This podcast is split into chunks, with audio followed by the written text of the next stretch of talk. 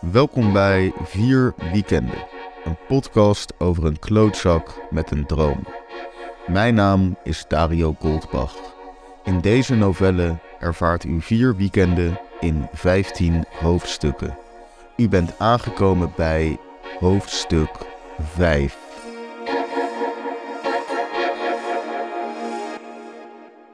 Het is weer zover hoor. Ik zit bij Steengoed, achter dat fucking marmeren bureau.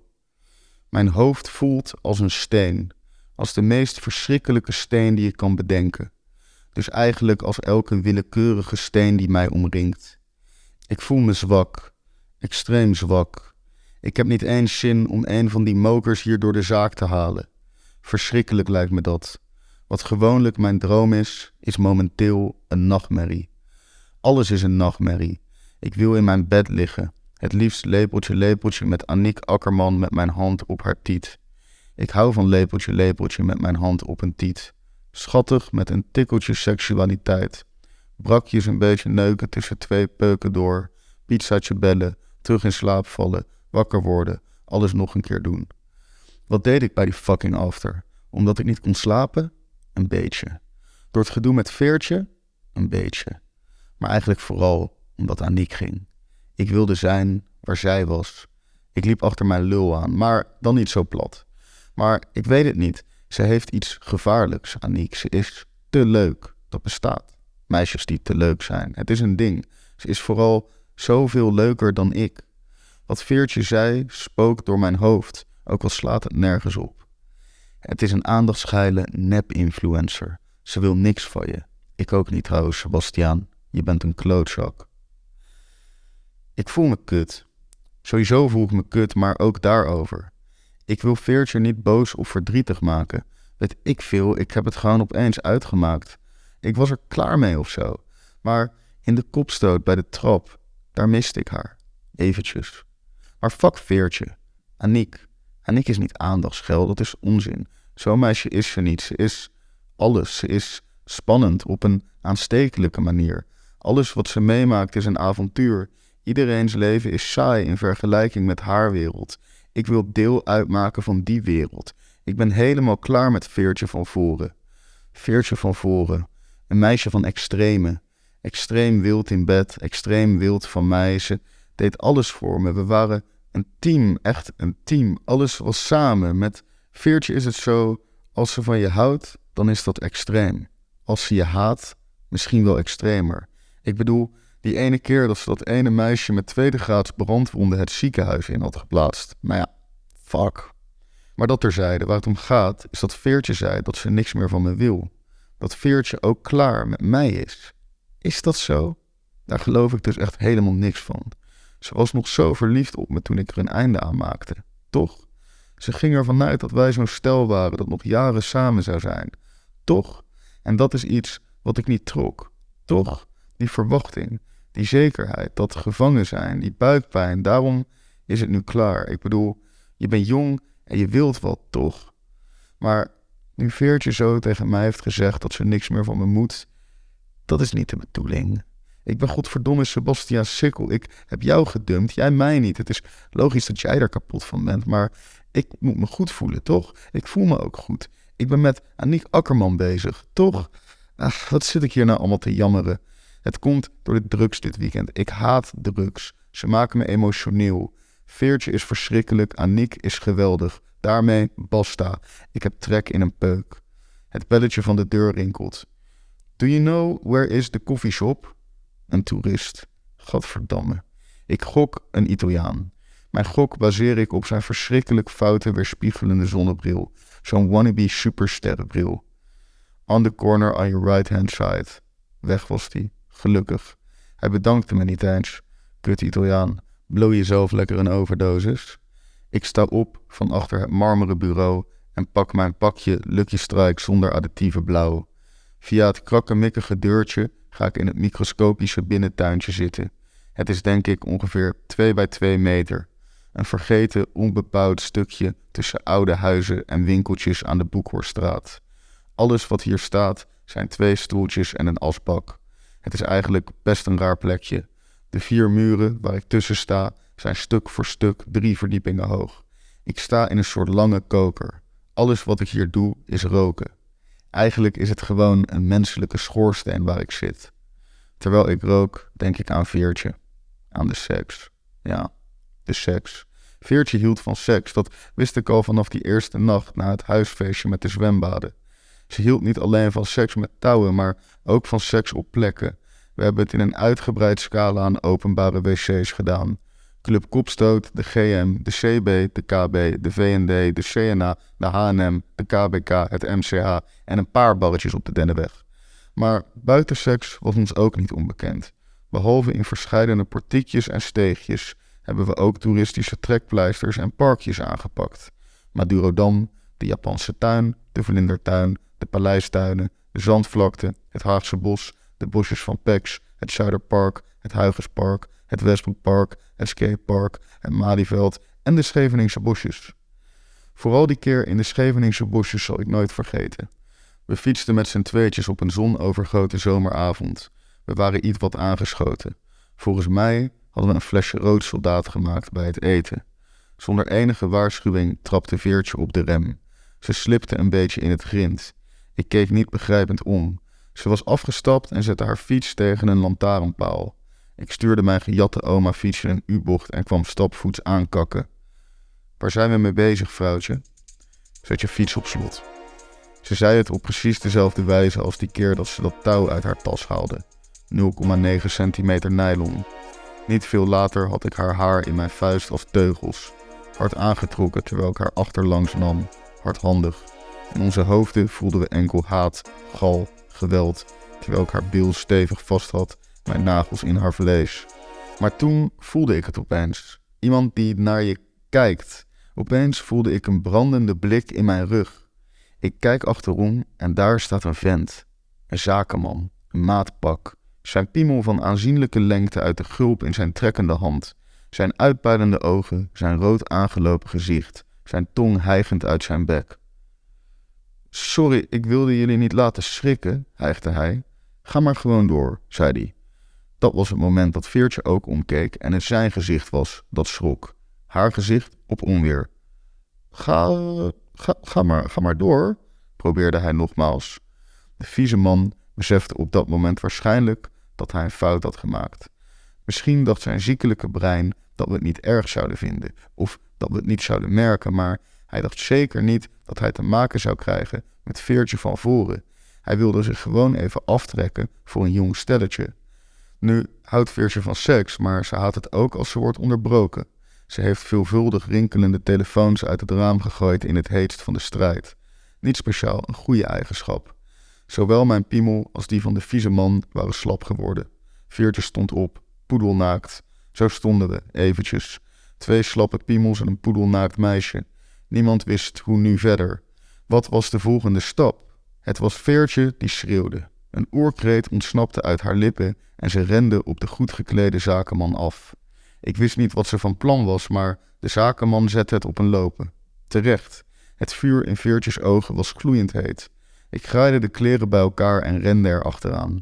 Meer om Veertje te stoppen dan om die man wat aan te doen. Ik bedoel, het was een viezerik, maar als Veertje hem te pakken zou krijgen, zou hij zijn leven niet zeker zijn.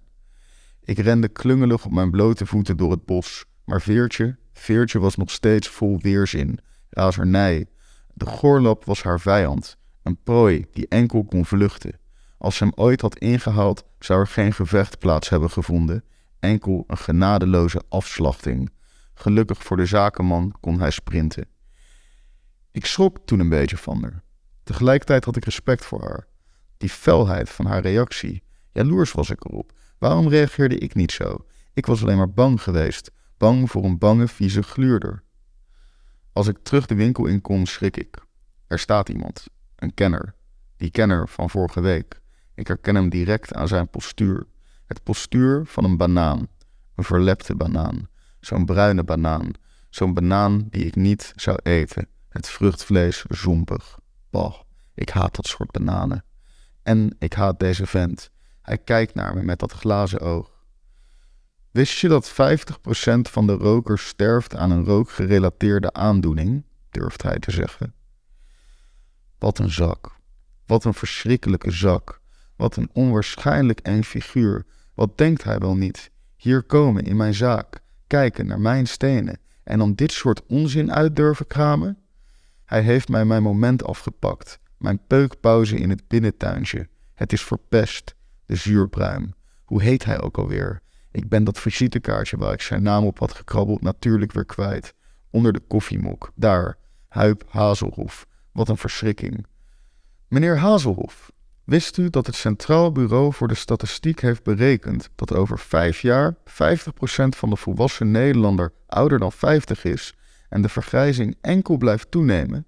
Wie gaan al die mensen onderhouden? Waar komt die AOW vandaan? De jongeren? Moeten die dat allemaal opbrengen? Dat is onmogelijk. Roken, dat is de oplossing. Alle 50-plussers zouden verplicht moeten roken. Enkel op deze wijze kunnen we op een humanitair verantwoorde manier de druk op de jonge generatie verlichten. Ik zeg, rook jezelf het graf in. Een moment kijkt het glazen oog mij aan. Door het gebrek aan emotie in het glas weet ik niet waar hij aan denkt. Ik gok dat hij boos gaat worden. Ik hoop dat hij gaat schelden. Scheldende oude mannetjes, een ondergewaardeerd genot in deze wereld. Hij groemt, denk ik. Volgens mij is het een grom. Jammer. Grommende oude mannetjes doen mij niet speciaal zoveel. Hij volgt zijn grom niet op met woorden. De stilte is een beetje ongemakkelijk. Volgens mij vond hij mijn betoog over vroegtijdig stervende ouderen respectloos. Vreemd. Ik wil alleen maar het beste voor onze samenleving. Ach ja, kom op ouwe. Ik weet waarom je hier bent. Zeg het nou maar. Je hoeft hier niet de hele dag te blijven ouwe roeren. Ik kom hier vanzelfsprekend voor mijn pakketje het mineraal dat Harry heeft aangekocht op de Denver Gem and Mineral Show. Ik heb niks gezien. Dat klopt. Ik heb ook niks gezien. Misschien ligt het bij de buren of zo. Ik heb de post nog niet bekeken vandaag. Ik zou op kunnen staan, rond kunnen kijken, moeite kunnen doen, maar daar voel ik weinig voor. Daar voel ik mij te slecht voor. Te veel verdovende middelen en te weinig slaap dit weekend. Huip, je komt op het verkeerde moment. Probeer het later nog eens. Het pakketje hoort hier te zijn. De heer van der Haak heeft het via de expresspost verstuurd, zegt Hazelhoef. Hij klinkt geïrriteerd, of nee, anders, gestrest. Het zit hem duidelijk dwars. Goed zo. Zijn verdiende loon voor het verpesten van deze afschuwelijke dag. Meneer Hazelhoef, er is hier geen pakketje voor u aangekomen, herhaal ik op zelfverzekerde toon. Ga nou weg. Hij krabt aan zijn kin. Hij lijkt verzonken in gedachten. Het pakketje begint mij te intrigeren. De oude man met het glazen oog kijkt de winkel rond. Mag ik een sigaret? Zegt hij tot mijn verbazing. Hij bluft. Hij lult. Onmogelijk dat hij gaat roken. Zak dat het is. Dit wil ik zien. Ik sta op. Hiervoor wel. Met één hand open ik de deur naar de binnentuin. Met mijn andere hou ik een sigaret vast. Nu krabbelt hij wel terug. Kijkt u eens aan, zeg ik, tergend langzaam, komt zijn kromme lichaam in beweging als een optrekkende vrachtwagen. Hij pakt de peuk uit mijn hand en stapt het binnentuintje in. Ik geloof mijn ogen niet. Hij neemt plaats op mijn stoel. Hij bluft nog steeds, het kan niet anders. Ik bied hem een aansteker aan. Hij wijst hem af door zijn vlakke palm omhoog te houden. Ik wist het. Hij bluft. Maar opeens opent hij een van de ritsen op zijn kaki jas. De derde rits van de linkerrij. Hij haalt een vuursteen tevoorschijn. Ik herken het gelijk. De bruine steen, ook wel flint genoemd, komt uit het Neolithicum, een prehistorische steentijd die ongeveer 11.000 jaar voor Christus begon. Het komt vaak in concreties in kooksteen voor. Ik had moeten weten dat deze rotsnerd altijd een flint bij zich had. Uit de tweede rits van de rechterrij pakt hij een soort stalen ring die hij om zijn wijs- en middelvinger schuift. Eén krachtige slag met de stalen ring op de flint die hij bij het uiteinde van de sigaret houdt. Aan. De peuk is aan. Hij inhaleert krachtig, diep. Dit is mijn eerste sigaret in vijftig jaar, zegt hij nadat hij uitblaast. Ik sta met mijn mond vol tanden. Deze ouwe zit gewoon mijn peuk te roken in mijn tuin. In dienst rookten we allemaal. Het was te stel die tijd. We kenden simpelweg de gevaren niet. Dat geloof ik dus gewoonweg niet, hè? Dat gezeik van ouder altijd. Vroeger wisten we niet dat roken slecht voor je was. Ben je gek? Tuurlijk wel. Hoe kan je nou niet weten dat systematisch dichte rook door je longen jagen slecht voor je is? Alsof je niet ziet wat je uitroggelt onder de douche na een avondje flink paffen. Doe normaal. Terwijl ik een sigaret pak, kijk ik naar de rokende rotse freak. Hij hijst snel achter elkaar, kijkt naar de grond. Hij wipt een beetje van voor naar achter. Het is duidelijk. Deze sigaret rookt hij niet vanwege mijn betoog over AOW. Nee, deze peuk is voor de stress. Hij stresst. Ik wil weten wat er in dat fucking pakketje zit. Misschien moet ik het vragen. Nee, ik wil niet in gesprek met deze vent. Hij moet weg.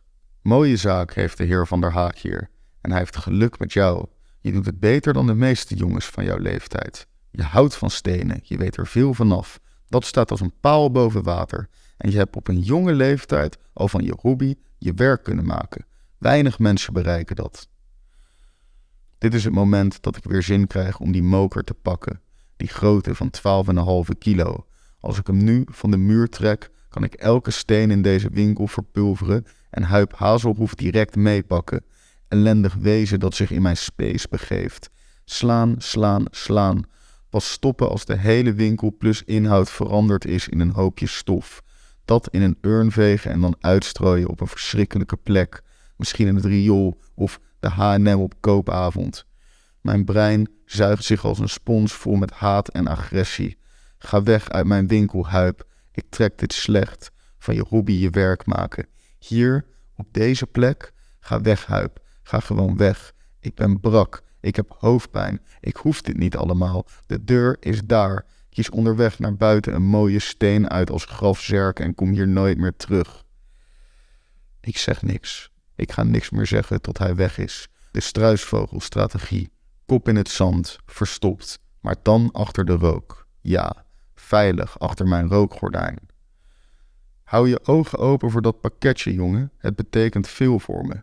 Ik ga weer verder. Ik heb nog veel te doen vandaag, zegt mijn bron van irritatie terwijl hij mijn peuk uitdrukt. Ik reageer niet. Hij staat op en vertrekt. Langzaam, zwaar, als een vrachtwagen. Een vrachtwagen vol kwaaltjes. Nog veel te doen vandaag. Flikker op, man. Je gaat naar huis zoeken naar de afstandsbediening om dan in slaap te vallen bij het 8 uur journaal. Zodra ik het belletje van de deur hoor rinkelen, glijden er allerlei gevoelens van mij af. Haat, irritatie, agressie, afgunst, verveling, ongeluk en ga zo maar door. Het enige wat overblijft is een leeg, lamlendig schepsel. Ik voel me enkel nog zwak, hulpbehoevend, versleten. Ja, versleten. Ik ben helemaal klaar met die drugs. Het is echt even voorbij. Vorig weekend ging me net iets te ver. Mijn telefoon trilt. Ik heb er nu al geen zin in. Het is mijn moeder. Ik ontvang een foto van een olifant. Mijn vader zit op zijn nek, poepiebruin, zijn handen in de lucht. Mijn moeder hangt aan haar voeten ondersteboven aan de slurf, ook poepiebruin. Haar borsten vallen bijna uit het bikini-topje. De cultureel toegeëigende Maori-tatoeages die ik zo haat zijn duidelijk zichtbaar. Het bijschrift luidt: We zijn in Lampo nu bij de Elephant Conservation Center. Hier worden olifanten opgevangen en verzorgd. We hebben deze olifant onder onze hoede genomen en geadopteerd. Zo doen we iets terug voor de dierenwereld. We hebben hem Sebastiaan genoemd. Leuk hè? Het is zover. Ik ben officieel vervangen.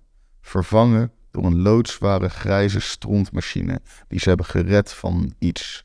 Ze komen nooit meer terug. Vanaf nu ben ik een wees. En waar de fuck is Lampang? Waar zijn ze nou weer? Is dat China of zo? Zitten ze daar nou tussen de Chinezen met olifanten te knuffelen? Mijn ouders zijn volledig doorgedraaid. Ik ben klaar met deze shit. Tof, is mijn antwoord. Ik stuur ze wat ze willen horen. Ga maar lekker.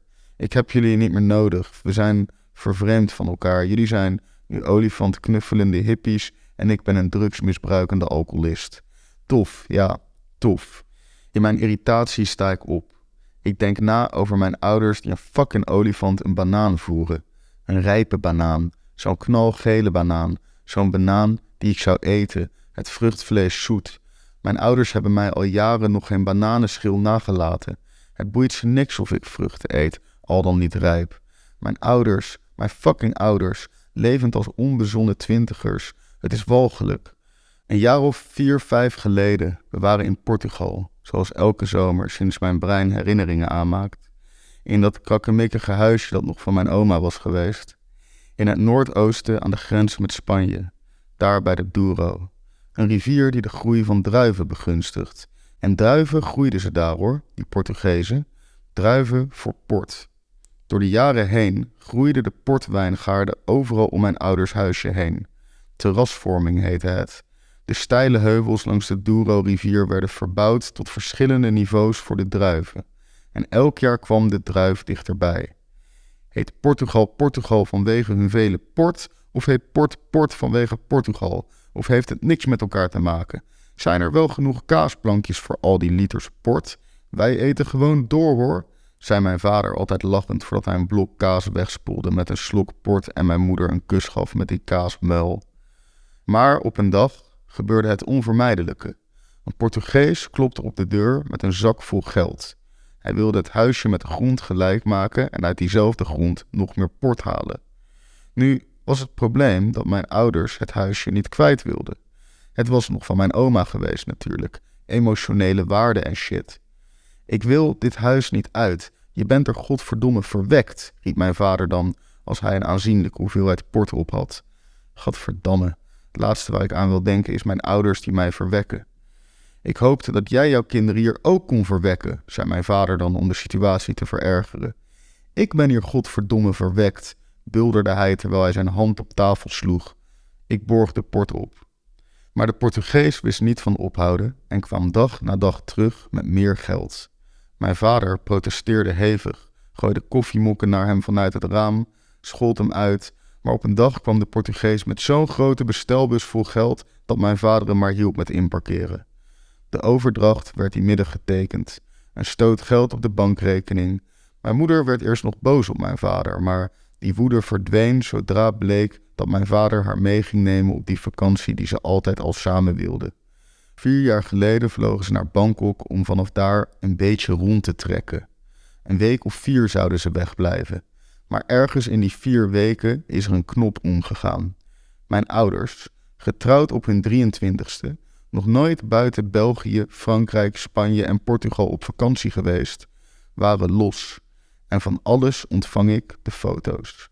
Ze reden jetski op Bali, zwommen met haaien in Australië, aten met stokjes in China, snorkelden met schildpadden in Maleisië, gingen skydiven in Vietnam, fraten vogelspin in Cambodja, zagen de zonsopgang vanuit een luchtballon ergens in Laos en werden getatoeëerd in Nieuw-Zeeland door Maori's. Ja, precies. Mijn ouders lopen nu ergens op deze aardkloot met matchende authentieke Maori-tatoeages op hun biceps. Schaamteloos. Zo woon ik dus op het Westeinde. Mijn ouders oude stekkie. Langzaam in verval rakend. Een rommelig studentenhuis waar niemand studeert. Een weeshuis. Asbakken van bierblikjes. Aangelengd huismerk wasmiddel. Brandgaten in kussens. Vieze wc-bril. In gedachten verzonken loop ik naar de post die zich de afgelopen dagen heeft opgestapeld. Ik zie het gelijk. Zo'n UPS-briefje. Sorry, we hebben u gemist. Uw pakket ligt bij de buren op nummer. Het huisnummer is handgeschreven, haastig, moeilijk leesbaar. 131? Ik denk even na en besef dat het het kleine Oosterse winkeltje moet zijn. Ik loop een paar deuren verder met het blaadje in mijn hand. Luttele seconden later zit ik weer bij steengoed. Het pakketje op het marmeren bureau. Het doosje is ongeveer zo groot als een meloen. Geen watermeloen, een gewone meloen. Een non-watermeloen. Ik had het pakketje groter verwacht. Ik weet niet waarom. Het wekte mijn interesse, het formaat. Ik herken het handschrift van Harry. Huip Hazelhoef. Persoonlijk. Persoonlijk? Dit wekt al helemaal mijn interesse. Ik open de la van het bureau en pak een breekmesje. Ik schuif het open.